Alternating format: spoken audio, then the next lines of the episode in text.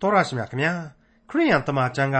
ကိုနှစ်ဆက်ဆိုင်သောသူကို ကိုနှစ်အမျှချစ်လော့လို့ခရိယန်တွေကိုပြောထားပါတယ်ဘယ်သူတွေဟာကိုနဲ့ဆက်ဆိုင်တဲ့သူတွေဖြစ်ကြပါသလဲဘယ်သူတွေကကိုနဲ့မဆိုင်တဲ့သူတွေဖြစ်ကြပါသလဲကိုနဲ့ဆက်ဆိုင်တဲ့သူတွေကိုကိုနဲ့အမျှချစ်လော့ဆိုတာကိုနဲ့မဆက်ဆိုင်တဲ့သူတွေကို မချစ်ရဘူးမုန်းရမယ်လို့မဆိုလိုပါဘူးကျွန်တော်တို့မိတင်းနေထိုင်ကြတဲ့ဒီကဘာကြီးပေါ်မှာကိုနဲ့ဆက်ဆိုင်တဲ့သူတွေဆိုတာ ဘယ်လောက်အတိုင်းအတာအထိများပြားသလဲဆိုတဲ့အကြောင်းအတိအလင်းတွေ့မြင်ရမှာဖြစ်တဲ့ခရိယန်သမာကျမ်းဓမ္မသစ်ကျမ်းပိုင်းတွေကဂလာတိဩဝါဒစာခန်းကြီး9အခန်းငယ်14ကနေအခန်းငယ်21အထိကိုဒီကနေ့တင်ပြရသောတမန်ကျမ်းအစီအစဉ်မှာလေ့လာမှာဖြစ်ပါတယ်။ဒီလူလောကကဘာကြီးထဲမှာဇာတိပဂရိအရာနဲ့ဝိညာဉ်ပဂရိအရာဟာဘယ်အချိန်ဘယ်အခါမျိုးမှာဆန့်ကျင်ဘက်ဖြစ်ဝိယောရီအသွင်ကိုစောင်းတယ်လဲဆိုတာကိုလည်းဖော်ပြထားသလို ဇာတိပဂရိအရာတွေနဲ့ဝိညာဉ်ပဂရိအရာတွေကိုခွဲခွဲခြားခြားသိနားလည်ကြရမှာဖြစ်တဲ့ဂလာတိဩဝါဒစာအခန်းကြီး9အခန်းငယ်14ကနေအခန်းငယ်21အထိကိုဒေါက်တာထွန်းမြတ်အေးကအခုလိုလေ့လာတင်ပြမှာဖြစ်ပါတယ်။သင်သိရသောတမန်ကျန်သင်ခန်းစာတွေဟာဂလာတိဩဝါဒစာကဖော်ပြတဲ့ခရစ်တော်၌ယုံကြည်ခြင်းတရားခရစ်တော်ထံမှရရှိနိုင်သောလွတ်လပ်ခြင်းတို့ရဲ့အကြောင်းများကိုအကျယ်တွင်ဖော်ပြပေးလျက်ရှိနေပါတယ်။ဒီကနေ့အဖို့ကတော့အလွန် အသက်ပါသလောက်အချက်အချာကျတဲ့ကျမ်းကလေးတစ်ပိုက်ကိုကျွန်တော်စတင်ကြားနာကြရပါလိမ့်မယ်။ဂလာတိဩဝါဒစာအခန်းကြီး9အငယ်14အကြောင်းမူကားကိုနှင့်ဆက်ဆိုင်သောသူကိုကိုနှင့်အမျှချစ်တော်ဟူသောပြည့်ညတ်တရားကိုကျင့်လျင်ပြည့်ညတ်တရားရှိသမျှကိုအကျွင့်မဲ့ကျင့်ရာရောက်၏မိတ်ဆွေအပေါင်းတို့ကိုကိုကိုပြည့်ညတ်တရားတွေကိုသာကျင့်ဆောင်မှသာကဲတင်ခြင်းကိုခံရနိုင်တယ်လို့မှတ်သူများရှိရင် အဲ့ဒီချစ်ချင်းမေတ္တာပေရန်နဲ့သာတိုင်းကြည့်လိုက်ကြပါတော့လို့ရှင်ပေါလုဖော်ပြလိုက်ခြင်းဖြစ်ပါတယ်ကိုနှင့်ဆက်ဆိုင်သောသူဆိုတာဟာဘယ်သူလဲဘယ်လိုလူမျိုးလဲကို့မိသားစုနဲ့ကို့ဆွေမျိုးလားအဲ့ဒါဟာမှန်ပါတယ်ကို့ရဲ့လူမျိုးလားအဲ့ဒါဟာလည်းမှန်တာပါပဲကို့တိုင်းပြည်နဲ့ကို့ဆွေမျိုးပြည်တော်စုသားတွေလားဒါလည်းမငင်းနိုင်အောင်မှန်တာပါပဲကိုနေထိုင်တဲ့ကမ္ဘာလောကကြီးအတွင်းကလူသားတွေအကုန်လုံးနဲ့ကောမဆိုင်ဘူးလား ဒါလည်းဆက်ပြီးတော့ဆိုင်းနေတာပါပဲမှန်းနေတာပါပဲဒီတော့အလွန်အလွန်ကျေပြန့်သောချစ်ချင်းမေတ္တာတော်ကိုတမန်တော်ကြီးဆိုလိုတယ်လို့ကျွန်တော်အလေးနဲ့ခံယူခြင်းပါတယ်ယူရသန်အသင်းတော်မှာကွယ်လွန်သူဆရာကြီးဥပတ်မြင့်ဟာကိုနဲ့ဆက်ဆိုင်သောသူဆိုတာနဲ့ပတ်သက်ပြီးတော့လူသားကဘာတစ်ခုလုံးဟာကိုနဲ့ဆက်ဆိုင်သောသူများသာဖြစ်ကြောင်းကိုအကျယ်တွင်ဟောပြောသွန်သင်ခဲ့ပူပါတယ်။တနည်းအားဖြင့်တော့စီးပွားရေးကြောင့်ဆက်ဆိုင်တယ်။လူမှုရေးကြောင့်လည်းဆက်ဆိုင်တယ်။နိုင်ငံရေးကြောင့်လည်းဆက်ဆိုင်တယ်စသဖြင့် ဆက်ဆိုင်နည်းအမျိုးမျိုးနဲ့ကဘာတစ်ခုလုံးဟာကိုနဲ့ဆက်ဆိုင်နေတယ်ဆိုတဲ့သူတရားစကားကိုကျွန်တော်မမေ့နိုင်ပါဘူး။ဒီနေရာမှာရှင်မသက်ခရစ်ဝင်ကျမ်းအခန်းကြီး9အငယ်53နဲ့44ဖော်ပြချက်အရာပြည့်ညတ်တော်တို့ရဲ့သဘောအရာကိုနဲ့ဆက်ဆိုင်သောသူကိုချစ်လောဆရာရဲ့ရန်သူကိုမုန်းလောဆရာရဲ့ဟာတွန်းတွဲနေပါလေဒါကိုအခုငါပြည့်ညတ်ချင်တာကတော့ကောင်းကင်ဘုံဘုရားသခင်ရဲ့သားသမီးများဖြစ်ခြင်းရင်ရန်သူတို့ကိုတောင်ချစ်ရလိမ့်မယ် ကိုကိုကြိမ်ဆဲသောသူတို့ကိုတောင်မှမေတ္တာပြန်ပြီးတော့ပို့ကြရမယ်ကိုကိုမုံသောသူတို့ကိုကျေးဇူးပြန်ပြီးတော့ပြုကြရလိမ့်မယ်ဆိုပြီးတော့ခရစ်တော်ဆုံးမသွန်သင်ခဲ့တာပါပဲ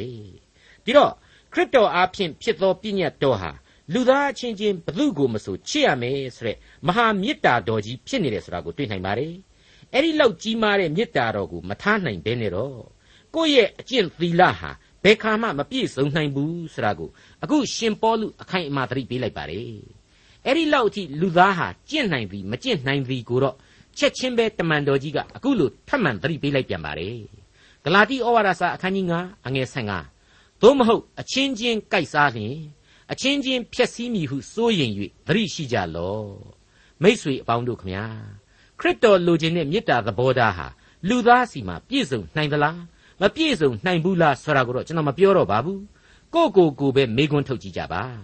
ကိုဖာသာကိုပဲဘလောက်အထိလူများကိုအချင်းချင်းလူအချင်းချင်းကိုချစ်နိုင်ပါသလဲဆိုတာကိုတိုင်းထွာကြည့်ကြပါဆန်းစစ်ကြည့်ကြပါကိုကိုကိုသာမေခွန်းထုတ်ကြည့်ကြပြီတော့အခုတမန်တော်ကြီးကနေပြီးတော့မင်းတို့ဟာအဲ့ဒီလိုသာမချစ်နိုင်ကြဘူးဆိုရင်ယုံကြည်သူအချင်းချင်းတည်းမှာပဲဇတ်တူသာစားမိကြလိမ့်မယ်အချင်းချင်းဖြက်စီးကုန်ကြလိမ့်မယ်ဆိုတာစိုးရိမ်စရာဖြစ်တယ် မင်းတို့သတိထားကြပါကွယ်ဆိုပြီးတော့သတိပေးလိုက်တာပါပဲဒါဟာအဲ့ဒီအတိုင်းဂလာတိမှာဖြစ်ခဲ့လိမ့်မယ်ဖြစ်ခဲ့လို့သာလျှင်လေတမန်တော်ကြီးဟာတကူးတကဒီနေရာမှာအခုလို့ဖော်ကျူးလိုက်တာဖြစ်လိမ့်မယ်ဆိုတာဟာလေပေါ်လွင်ထင်ရှားလျက်ရှိနေကြောင်းတင်ပြပါရစေမိတ်ဆွေအပေါင်းတို့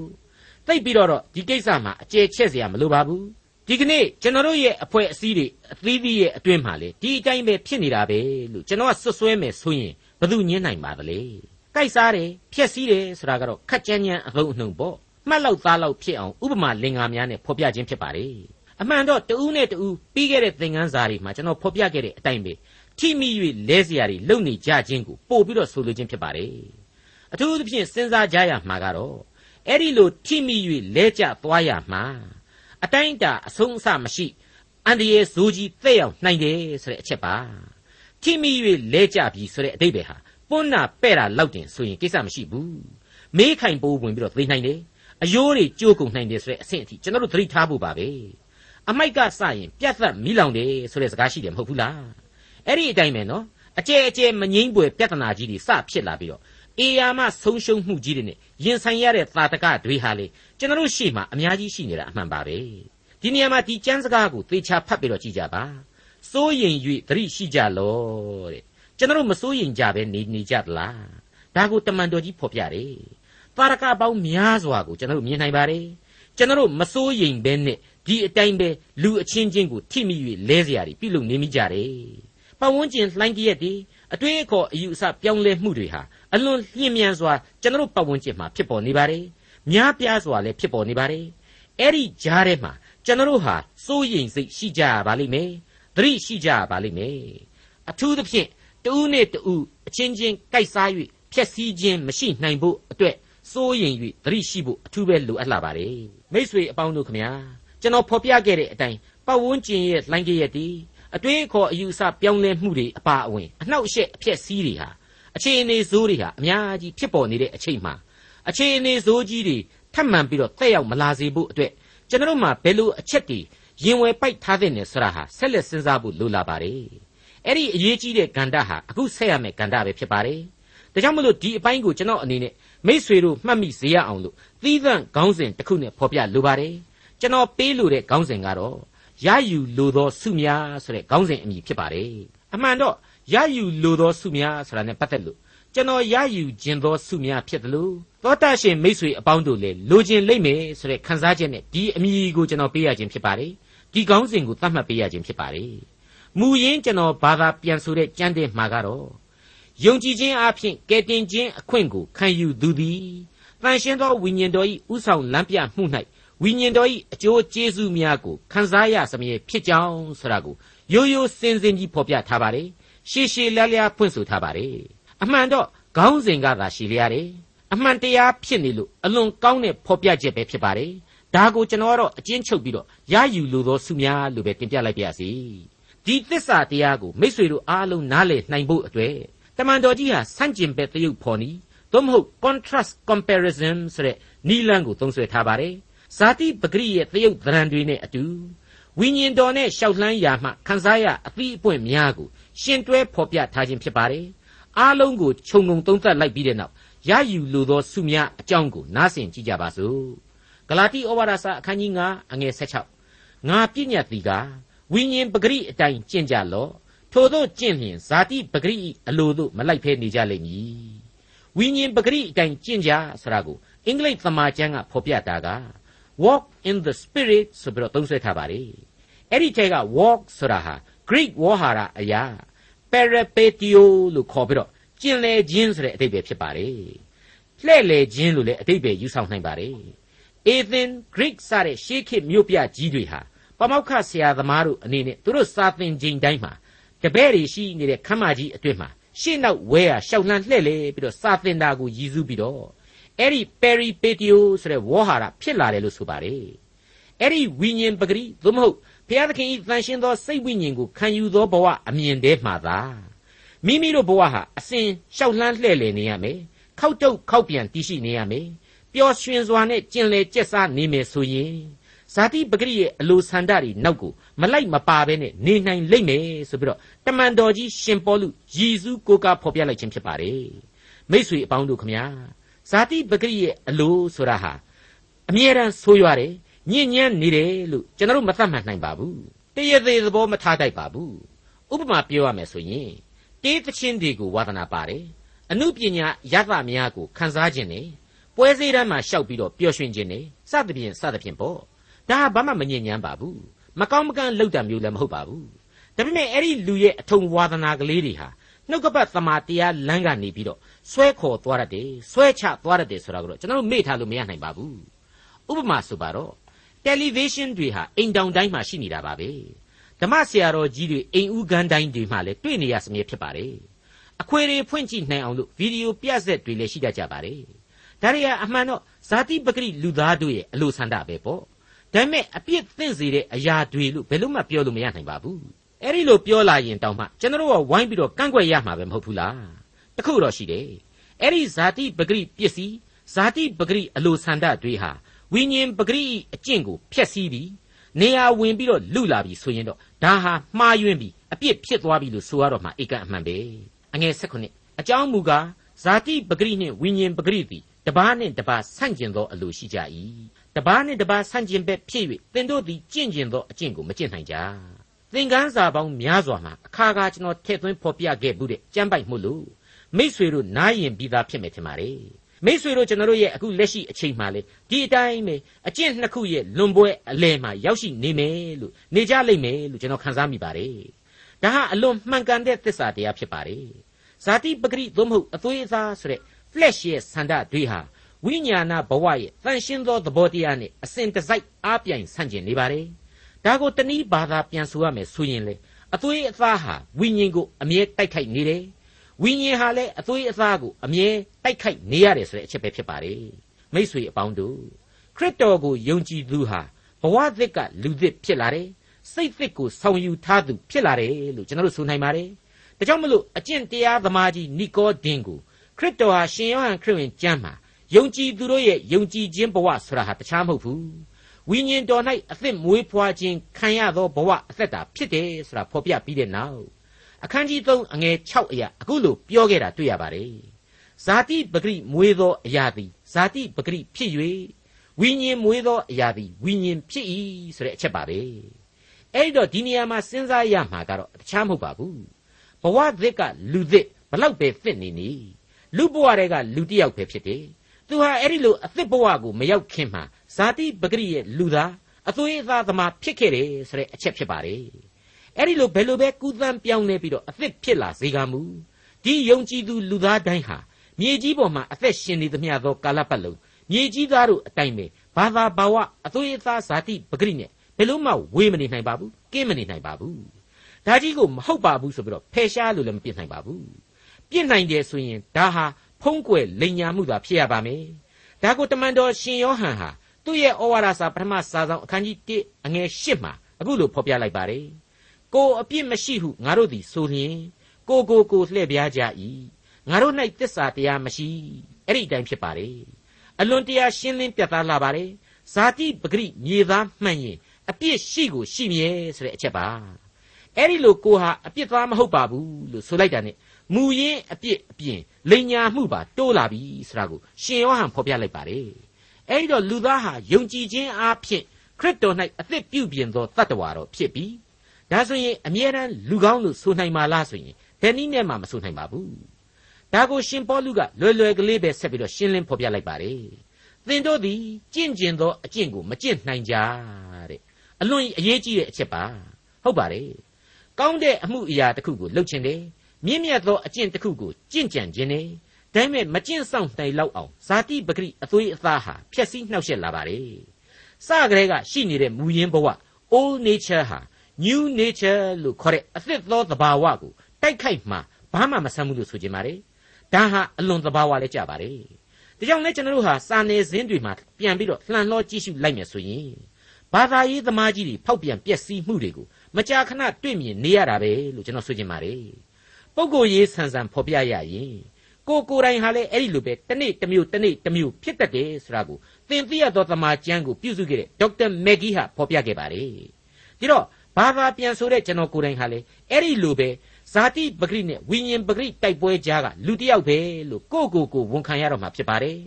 အမှန်တော့အဲ့ဒီလိုရင်းရိုင်ပြိုလဲတတ်လို့လေအဲ့ဒီ old nature new nature တွေအကုန်လုံးကိုရောပြုံလိုက်တော့လူသားဟာ fallen nature ကျကြာဆုံးတတ်သောလူသားရဲ့သဘာဝမှာသာတည်မီနေတယ်ဆိုတဲ့အချက်ထင်ရှားစွာပေါ်လွင်လာခြင်းပဲဖြစ်ပါတယ်မိษွေအပေါင်းတို့ခမညာဒါကိုမိษွေတို့တူးချင်းပြန်လဲပြီးတော့စဉ်းစားဆန်းစစ်ဝေဖန်ကြည့်ကြပါကမ္ဘာသမိုင်းဟာဒီအချက်ကိုဖော်ပြနေပါတယ်ဓမ္မသမိုင်းဟာလည်းအစဉ်တစိုက်ဖော်ပြနေပါတယ်လူသားအပေါင်းတို့ဟာကြာဆုံးလျက်ရှိသောသဘာဝပါပဲဒါကိုကျွန်တော်တို့ဟာအာရန်အေဝါကစပြီးမြင်ခဲ့ရပါတယ် ဓမ္မသမိုင်းကခေါင်းဆောင်ပုဂ္ဂိုလ်များအားလုံးရဲ့အသက်တာအားဖြင့်လေရှင်းရှင်းကလေးပဲထင်ရှားစွာသက်သေတည်ခဲ့ပြီးပြီလို့ကျွန်တော်ဆိုချင်ပါတယ်ဂလာတိဩဝါဒစာအခန်းကြီး9အငယ်18သို့တော်လေဝိညာဉ်ပဂရိအလိုတို့လိုက်လျင်ပြည့်ညက်တရားနှင့်လွတ်ကြ၏အလွန်တရားရှင်းလင်းပြတ်သားလှပါတယ်နားလေလေအလွန်လွယ်ကူတယ်လို့ကျွန်တော်ဆိုချင်ပါတယ်ဘုရားသခင်ပေးတဲ့တန်ရှင်းသောဝိညာဉ်တော်ကိုခံယူထားတဲ့ဆိုရင်ပြည့်ညက်တရားတွေနဲ့လွတ်တယ်တဲ့အဲ့ဒါဟာပါလေ ပြည့်ညက်တရားကခိုင်းစေတာတွေနဲ့လွတ်တယ်လို့ပြည့်ညက်တရားကစီရင်တဲ့အပြစ်ဒဏ်တွေနဲ့လည်းလွတ်တယ်ဆိုတဲ့အဓိပ္ပာယ်ပါပဲဟုတ်ပါတယ်ပြည့်ညက်တရားနဲ့ဆိုင်တဲ့အဝန်းအဝိုင်းရဲ့အထက်စီးကိုရောက်သွားခဲ့ပြီလို့ကျွန်တော်ဖော်ပြခဲ့ပြီးပြီပဲပြည့်ညက်တရားဆိုတာဘယ်သူပိုင်တယ်လဲဘုရားသခင်ပိုင်တယ်မဟုတ်ဘူးလားအပြစ်စီရင်ခွင့်ကြတော့ဘယ်သူပိုင်တယ်လဲဘုရားသခင်ပဲပိုင်တယ်လေဒီတော့အဲ့ဒီအနန္တတကုရှင်ရဲ့ဝိညာဉ်တော်ကိုခံယူသူသူ့ရဲ့ကျေးဇူးတော်နဲ့ဂရုဏာတော်အရေးမှာခိုးလုံနေသူဖြစ်တယ်သာဆိုရင် ကိုဟာအလွန်အဆင့်မြင့်တဲ့ဝိညာဏလူသားတစ်ယောက်ဖြစ်နေပြီကုတ်ကုတ်ချီချီနဲ့ကြောက်နေရတဲ့မြေရင်နဲ့ထောင်ရနံ့သင်းတဲ့ပြည့်ညတ်တော်ဥပရိသတွေကိုဘာမှကြောက်နေစရာမလိုတော့ဘူးမှုန့်နေစရာမလိုတော့ဘူးဒါဟာရှင်းနေပါလေအဲ့ဒီလိုအဆင့်မြင့်တဲ့တတ္တဝါတွေဖြစ်စီခြင်းလို့လေခရစ်တော်အဖြစ်ဘုရားသခင်ဝိညာဉ်တော်ဟာမြေလောကကိုဆင်းသက်ပေးခဲ့တယ်ထာဝရအသက်ရှင်ခြင်းဆိုတဲ့ကယ်တင်ခြင်းကျေးဇူးတော်ကိုပြုတော်မူခဲ့တယ်ဆိုတာဟာလည်းရှင်းနေပြီးသားပါအဲ့ဒါကိုယုံကြည်တယ် ဝိညာဉ်ပဂရိရဲ့အလိုတို့လိုက်တယ်ဆိုရင်ကျွန်တော်တို့ဟာပြည့်ညတ်တရားနဲ့လွတ်သွားပြီပေါ့အဲ့ဒါဟာတကယ်တော့ခရစ်တော်အားဖြင့်လွတ်လပ်ခြင်းအခွင့်အရေးကြီးပဲဟုတ်ပါတယ်ကိုးကွယ်မှုမှာကိုယ်စိတ်ဝိညာဉ်တဲကသခင်တန်ရှင်းသောဝိညာဉ်နဲ့ကိုးကွယ်ရလို့လွတ်လပ်တယ်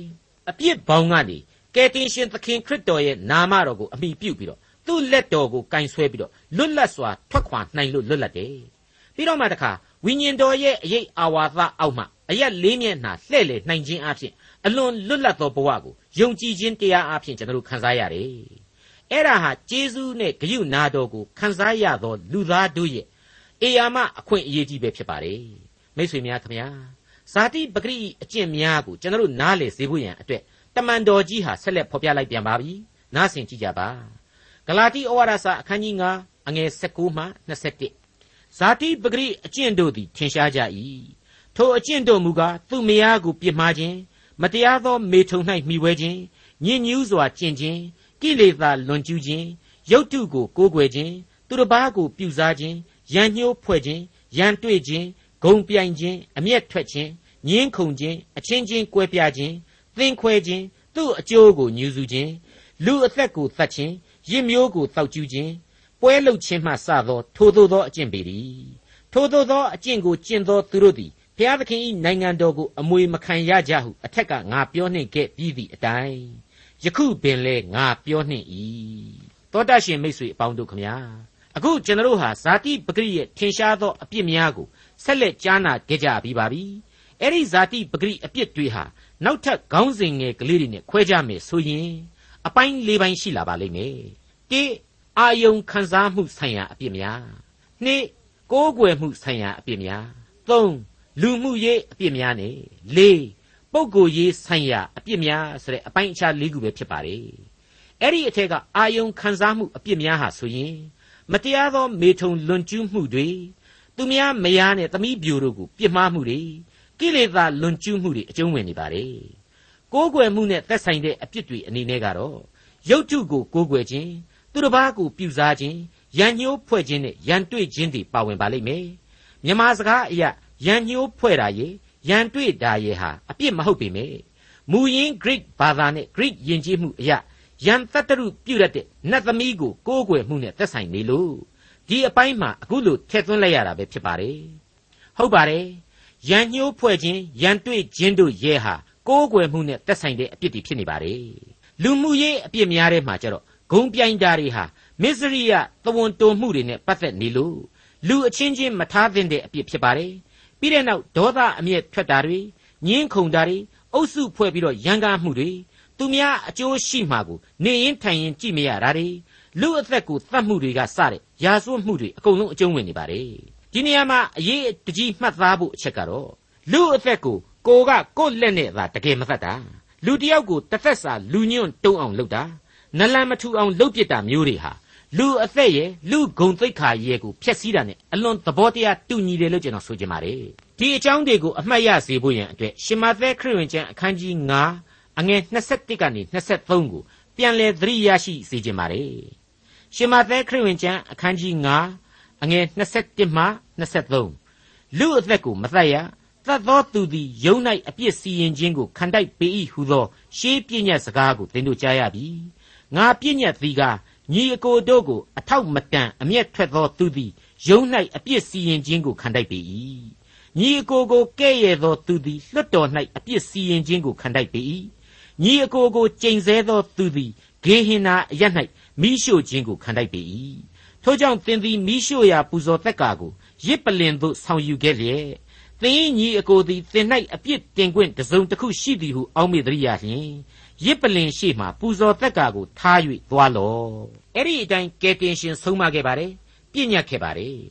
နောက်ဆုံးအပြစ်တရားအမျိုးအစားကတော့ပုဂ္ဂိုလ်တူးချင်းဆိုင်ရာအပြစ်များလို့ဆိုရပါလိမ့်မယ်တယောက်တည်းထင်တိုင်းကျဲနေတဲ့အပြစ်ဒုစရိုက်မျိုးပဲပေါ့ရင်မြူးတွေကိုတောက်ကျူးနေတာအပျော်အပါးတွေကိုအလွန်အကျွံလိုက်စားနေတာပဲဖြစ်ပါတယ်မိษွေအပေါင်းတို့ခမညာအဲ့ဒီအပြစ်တွေဟာစုံသွားပြီလားလို့ဆိုရင်အရှင်းမစုံသေးပါဘူးမရေမတွက်နိုင်လောက်အောင်ကြံနေသေးတာအသေးချပါပဲ ဘာဖြစ်လဲဆိုတော့ရှင်ပေါလုမရေတွက်နိုင်လို့ပါပဲသူမရေတွက်နိုင်ပါဘူးဒီတဲ့မကမြောက်များစွာသောအပြစ်တွေဟာအမျိုးမျိုးရှိနေသေးတယ်ဆိုတာကိုကြည့်ပါသူ့အကျိုးကိုညှူစုခြင်းလူအသက်ကိုတတ်ခြင်းရင်မျိုးကိုတောက်ကျူးခြင်းပွဲလုခြင်းမှစ၍ထို့သောသောအကျင့်ပေရီလို့ဖော်ပြထားပါတယ်ထိုအပြစ်များမှစ၍ဆရာဟာမဆုံးဆနိုင်သောအပြစ်များရှိနေကြောင်းကိုဖော်ပြလိုက်ပါတယ် ကျွန်တော်မြေသားများရဲ့ဇာတိပဂရိအကျင့်များအဖြစ်ထင်ရှားပေါ်လွင်နေသောအပြစ်များပဲဖြစ်ပါတယ်အဲ့ဒီလိုထင်ရှားပေါ်လွင်လွန်းနေတဲ့အပြစ်တွေကိုတခုချင်းကျွန်တော်ပြေအောင်လုပ်နိုင်ကြပါမလားဆိုတဲ့မေးခွန်းကိုကျွန်တော်မေးမြန်းခြင်းပါတယ်ဒီနေရာမှာအပြစ်ရဲ့သဘောတဘာဝတွေကိုတောလေရာကျမ်းဝတ်ပြုရာကျမ်းတရားဟောရာကျမ်းနဲ့သာတိုင်းဆပြီးတော့ကြည့်မယ်ဆိုရင်ကျွန်တော်အဖို့အသက်ရှူလို့တောင်မရသည့်အထိကျေပြန့်နေလိမ့်မယ်ပိတ်ဆို့နေလိမ့်မယ်လို့ကျွန်တော်ဆိုချင်ပါတယ် အနီးကပ်ဆုံးဖော်ပြခဲ့တဲ့လူသားတို့ရဲ့အပြစ်တရားတွေကိုယောမဩဝါဒစာနဲ့တိုက်ကြည့်ကြသင့်တယ်လို့ကျွန်တော်တင်ပြနိုင်ဖို့ရန်အတွက်ယောမဩဝါဒစာအခန်းကြီး1အငယ်24ကနေပြီးတော့အဆုံးအထိကြော့ပြန်ဖတ်ပြပါရစေထို့ကြောင့်သူတို့သည်မိမိတို့ကိုယ်ကာယ၏အသရေကိုအချင်းချင်းရှုံချမိအကြောင်းဘုရားသခင်သည်သူတို့ကိုသူတို့၏ကိလေသာစိတ်ညစ်ညူးခြင်းလက်သို့အပ်လိုက်တော်မူ၏သူတို့သည်မှန်သောဘုရားသခင်အရာ၌အမှားကိုထားလျက် ဖန်ဆင်းတတ်သောသခင်ကိုပယ်၍ဖန်ဆင်းအပ်သောအရာကိုဝတ်ပြုကိုးကွယ်သောသူဖြစ်ကြ၏ထိုသခင်သည်ထာဝရမင်္ဂလာရှိတော်မူ၏အာမင်ထိုသို့ပြုကြသောကြောင့်ဘုရားသခင်သည်သူတို့ကိုရှက်ကြောက်ဖွယ်သောကိလေသာလက်သို့အပ်လိုက်တော်မူ၏အဘယ်သို့နည်းဟုမူကားမိမတို့သည်ပဂရိထုံးစံကိုစွန့်၍ပဂရိနှင့်ဆန့်ကျင်ဘက်ထုံးစံကိုလိုက်ကြ၏ထို့အတူယောက်ျားတို့သည်လည်းမိမနှင့်ဆက်ဆံခြင်းပဂရိထုံးစံကိုစွန့်၍အချင်းချင်းကိလေသာစိတ်ပူလောင်သဖြင့် ရှက်ကြောက်ဖွယ်သောအမှုကိုယောက်ျားချင်းပြုလျက်မိမိတို့မှားယွင်းခြင်းနှင့်အလျောက်မိမိတို့အပြစ်ဒဏ်ကိုခံရကြ၏ထိုသူတို့သည်ဘုရားသခင်ကိုမသိမမှတ်လိုသည်ဖြစ်၍မလျောက်ပတ်သောအမှုကိုပြုစေမည်အကြောင်းဘုရားသခင်သည်သူတို့ကိုမောဟလက်သို့အပ်လိုက်တော်မူသည်နှင့်အညီသူတို့သည်အလုံးစုံသောအတ္တမကျင့်ခြင်းမတရားသောမေထုံကိုပြုခြင်းဆိုးညစ်ခြင်းလောဘလွန်ကျူးခြင်းမနာလိုခြင်းညှူဆူခြင်းလူအသက်ကိုတတ်ခြင်းရန်တွေ့ခြင်းလှည့်ပြားခြင်း သူတစ်ပါးကိုမြင်ပြင်းခြင်းတို့နှင့်ပြည့်စုံသောသူချောစားသောသူဆင်းရဲသောသူဘုရားသခင်ကိုမုန်းသောသူကြမ်းတမ်းသောသူမာနထောင်လွှားသောသူဝါကြွားသောသူမတက်ကောင်းသောအတက်ကိုစီရင်သောသူမိဘစကားကိုနားမထောင်သောသူသတိမရှိသောသူသစ္စာပြတ်သောသူမိဘသားမယားစသည်တို့ကိုမချစ်သောသူရန်ညှိုးထားသောသူတနာခြင်းဂယုဏစိတ်မရှိသောသူဖြစ်ကြ၏ ထို့သောကျင့်သောသူတို့သည်သေပြစ်ကိုခံတိုက်သည်ဟုဘုရားသခင်စီရင်တော်မူကြောင်းကိုထိုသူတို့သည်သိလျက်ပင်ကိုယ်တိုင်ကျင့်သည်သာမကထိုသောကျင့်သောသူတို့၌အာရဝမ်းမြောက်ကြ၏ကဲဒီအတိုင်းကိုဖတ်လိုက်တဲ့အခါကျတော့ကြားရတဲ့အခါကျတော့ကျွန်တော်တို့ကြက်သိမ်းမွေးခြင်းထเสียမကောင်းဘူးလားဒီလောကလူအဖွဲ့အစည်းအတွင်းမှာအပြစ်နဲ့လွတ်နိုင်တဲ့လူဘယ်သူရှိသေးလဲဟုတ်ပါတယ်မိတ်ဆွေအပေါင်းတို့အပြစ်တရားရဲ့အမျိုးအစားတွေဟာရေတွက်လို့မကုန်နိုင်ပါဘူး ကျွန်တော်ရဲ့ဝင်သက်ထွက်သက်တွေကိုမရေတွက်နိုင်လောက်အောင်ဒီအပြစ်တွေဟာလေမရေတွက်နိုင်အောင်ရှိလိမ့်မယ်လို့ကျွန်တော်ဆိုချင်ပါတယ်တမန်တော်ကြီးရှင်ပေါလုဟာအခုဂလာတိဩဝါဒစာမှာအခုလိုဇာတိပဂရိရဲ့မကောင်းဆိုးရွားနိုင်လှတဲ့အပြစ်တွေဟာဖြင့်ဘဝသစ်ကိုရောက်ပါပြီဆိုတဲ့လူသားတွေကိုတောင်ချုပ်နှောင်ထားနေပါတယ်ဆိုတာကိုအဆိုတင်သွင်းထားပါတယ်ဝိညာဏလူသားလို့ဆိုနိုင်တဲ့ခရိယန်ယုံကြည်သူတွေတန်ရှင်းသောဝိညာဉ်တော်ဤလမ်းပြခြင်းကိုခံယူသောသူပင်ဖြစ်စေကမူ ဒီအသွေးအသားအပြစ်များဟာကောင်းသောအကျင့်ကိုကျင့်ခြင်းဘာလျက်မကျင့်နိုင်အောင်အစဉ်တစိုက်ဖျက်ဆီးနေကြတယ်ဆိုတာကိုရှင်းလင်းပြတ်သားစွာဖော်ပြလိုက်တာဖြစ်ပါတယ်အဲ့ဒီလိုဆိုရင်ကျွန်တော်တို့ဟာဘဝသစ်ကိုရောက်ပြီဆိုပါရဲ့နဲ့ဘာမှမထူးဇာတိပဂရိအပြစ်ထဲမှာပဲဘဝပြည့်ရပြီလားထာဝရဘုရားသခင်ရဲ့ထာဝရအသက်အမွေကိုခံပါတယ်ဆိုပြီးတော့မှဟိတ်လုံးဟန်တလုံးနဲ့ဒီအပြစ်ဒုစရိုက်တည်ထဲမှာပဲစုံစုံနစ်မြုပ်သွားရပြီမို့လို့ ယုံကြည်ခြင်းတရားဟာဘာမှမထူတော့ဘူးလားကျွန်တော်ယုံကြည်သူတို့ဟာရောပြီးခဲ့တဲ့အထက်သင်ခန်းစာတွေမှာကြားခဲ့ရတဲ့အတိုင်းပဲယုံကြည်ခြင်းရှိပါတယ်ဆိုပြီးတော့အဲ့ဒါကိုအပြစ်ကျူးလွန်ခွင့်လိုင်စင်ကြီးနဲ့ဆက်ပြီးတော့ကျူးလွန်လို့သာနေကြတော့မှာလားဆိုတဲ့အချက်နဲ့ပတ်သက်လို့ဒီကျမ်းထဲမှာပဲအဖြေဟာရှိနေပြန်ပါသေးတယ်ထို့သောသောအကျင့်ကိုကျင့်သောသူတို့သည်ဖျားသခင်ဤနိုင်ငံတော်ကိုအမွေမခံရကြဟုအထက်ကငါပြောနှင့်ပြီးသည့်အတိုင်း ယခုပင်လဲငါပြောနှင့်၏ရှင်းနေပါတယ်နော်ထို့သောသောအကျင့်ကိုကျင့်သောသူဆရာဟာပျောက်သောသားလို့အဖရဲ့အိမ်တော်ကိုအောက်မေ့ခြင်းများစွာနဲ့ပြန်ကျင်သူမဟုတ်ဝက်လူအိုင်မှာပဲပျော်နေလိုတဲ့ဝက်နဲ့တူသောလူတွေကိုဆိုချင်ပါတယ်ဘယ်သောအခါမျှနောင်တမရှိအပြည့်အရေးမှသာသာဝရမှိမ့်မိတ်ခြင်းသောလူတွေကိုဆိုချင်ပါတယ်အစရှိရင်အနောင်နောင်ဆိုသလိုဖြစ်နေပြီးတော့ယုံကြည်ခြင်းအကျင့်မဟုတ်တဲ့အပြစ်တရားဤအကျင့်ကိုဆက်လက်မပြတ်တမ်း ဆွဲဆွဲလန်းလန်းခုံခုံမင်မင်ကျင့်သုံးနေခြင်းကိုဖော်ပြလိုက်ခြင်းဖြစ်ပါတယ်မိษွေအပေါင်းတို့ခမညာဝက်လူးအိုင်ကိုရှောင်ကြဖို့ဒီနေရာမှာအလေးအနက်အကြံပြုလိုက်ပါရစေဒေါက်တာထွန်းမြတ်ရေးစီစဉ်တင်ဆက်တဲ့တင်ပြတော်တမချန်းအစီအစဉ်ဖြစ်ပါတယ်နောက်တစ်ချိန်အစီအစဉ်မှာခရိယန်တမချန်းဓမ္မသစ်ကျမ်းပိုင်းတွေကဂလာတိဩဝါဒစာအခန်းကြီး9အခန်းငယ်22ကနေအခန်းငယ်26အထိကိုလေ့လာမှာဖြစ်တဲ့အတွက်စောင့်မျှော်နားဆင်နိုင်ပါတယ်။